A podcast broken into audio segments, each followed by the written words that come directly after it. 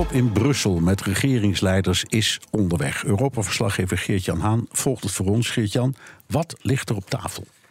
Ja, er ligt een heleboel op tafel, Bernard. En ik heb het uh, gesprek van jou zojuist uh, niet goed kunnen volgen, omdat er dus allerlei regeringsleiders voor camera's hebben gereageerd. En ik heb geprobeerd een aantal daarvan te volgen. Met name premier Rutte, maar ook de reactie van Ierland en van Hongarije. Dus ik probeer voor jou nu samen te vatten wat er op tafel ligt. En dat is in ieder geval dat er een gevechtspauze komt. Um, en uh, met de nadruk op pauze in plaats van pauzes. Want er is veel diplomatiek gesteggel over. Een S, één letter. Ja, ja en, en de pauze in, in deze oorlog, hè, daar hebben we het dan over. Ja, ja. met uh, ruimte voor uh, humanitaire hulp aan de Gazanen. En gevechtspauzes uh, zou te veel lijken op een staakt het vuren. Oftewel Israël het recht ontnemen om Hamas uit te schakelen. Om dus die militaire operatie door te zetten. Dat is wat uh, eigenlijk de diplomaten ook al hebben afgesproken. Ja, voordat de regeringsleiders zojuist binnenkwamen daar in, uh, in Brussel. Oké. Okay. Um, en even kijken over uh, wie, wie heeft nu welk standpunt. Want je, jij hebt dan een paar keer gezegd... Ja. er heerst grote oneenigheid binnen de EU... over hoe ze het nou precies moeten opstellen. Kijk natuurlijk eerst naar Nederland. Dus hoe staat dat erin? Nou, Mark Rutte heeft zojuist uh, 7 à 8 minuten uh, onze collega's uh, te woord gestaan. Waaronder collega Stefan de Vries. Straks om 4 uur hoor je daar meer over bij de Daily Move. Maar we kunnen al een quoteje laten horen over wat Rutte zei. Voor Nederland en eigenlijk voor bijna iedereen denk ik hier in deze vergadering geldt... dat we erkennen dat als Israël Hamas niet uitschakelt, Israël geen toekomst heeft. Dus daar staan we achter. Maar het is cruciaal, echt cruciaal, dat dat niet ten koste gaat van normale Palestijnen in Gaza.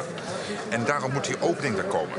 Veel meer en echt massief meer dan nu gebeurt bij Egypte, bij die Rafah-opening. Massief meer water, stroom, eh, brandstof, eh, spullen voor de ziekenhuizen, medicijnen, voedsel. Geert-Jan, het klinkt iets anders dan de Rutte die ik mij van de afgelopen dagen herinnerde. met een soort permanente liefdesverklaring aan Israël. Wij staan er 100% achter.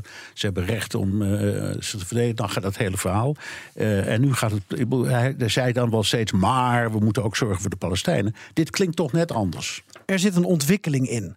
En die ontwikkeling zie je dus aan alle kanten. En mijn indruk is dat wat uh, Rutte in die zeven minuten voor de pers heeft gezegd, dat dat ook redelijk overeenkomt met het Europese standpunt op dit moment.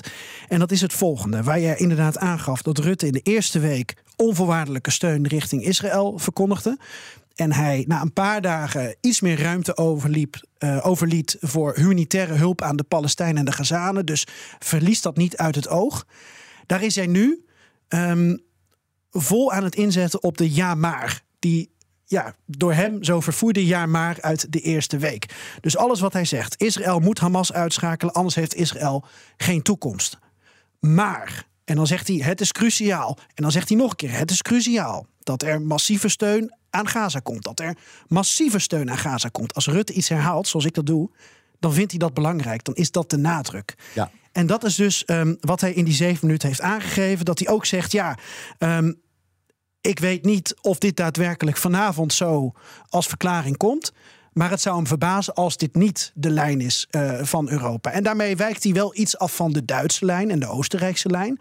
Die voor zover wij weten uh, nog steeds wel redelijk tegen dat onvoorwaardelijke aan Israël aanzitten. Dus Israël heeft het recht om alles te doen wat ze willen om Hamas aan te uit te schakelen. Ook al kost dat veel burgerdoden. Maar ik denk dat dit de lijn is van Rutte. En dat zie je dus ook. Pak ik hem gelijk even op bij de reactie van Ierland. Een land dat traditioneel veel meer oog heeft, zo zeg ik het even, voor de, voor de pro-Palestijnse zaak. Ja.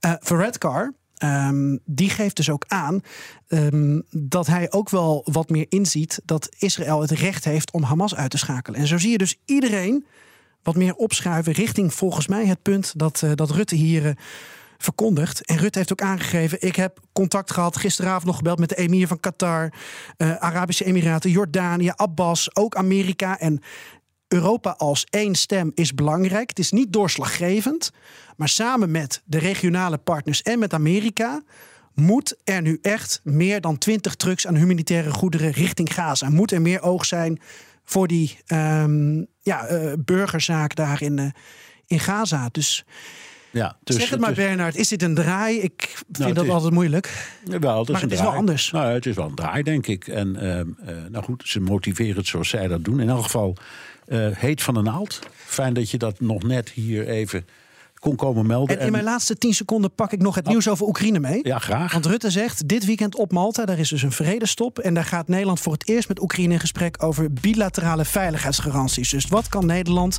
de komende jaren leveren aan Oekraïne als het gaat om F-16's, als het gaat om luchtafweer.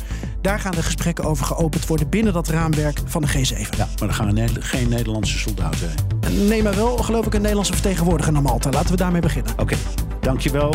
Geert-Jan Haan, Europa-verslaggever.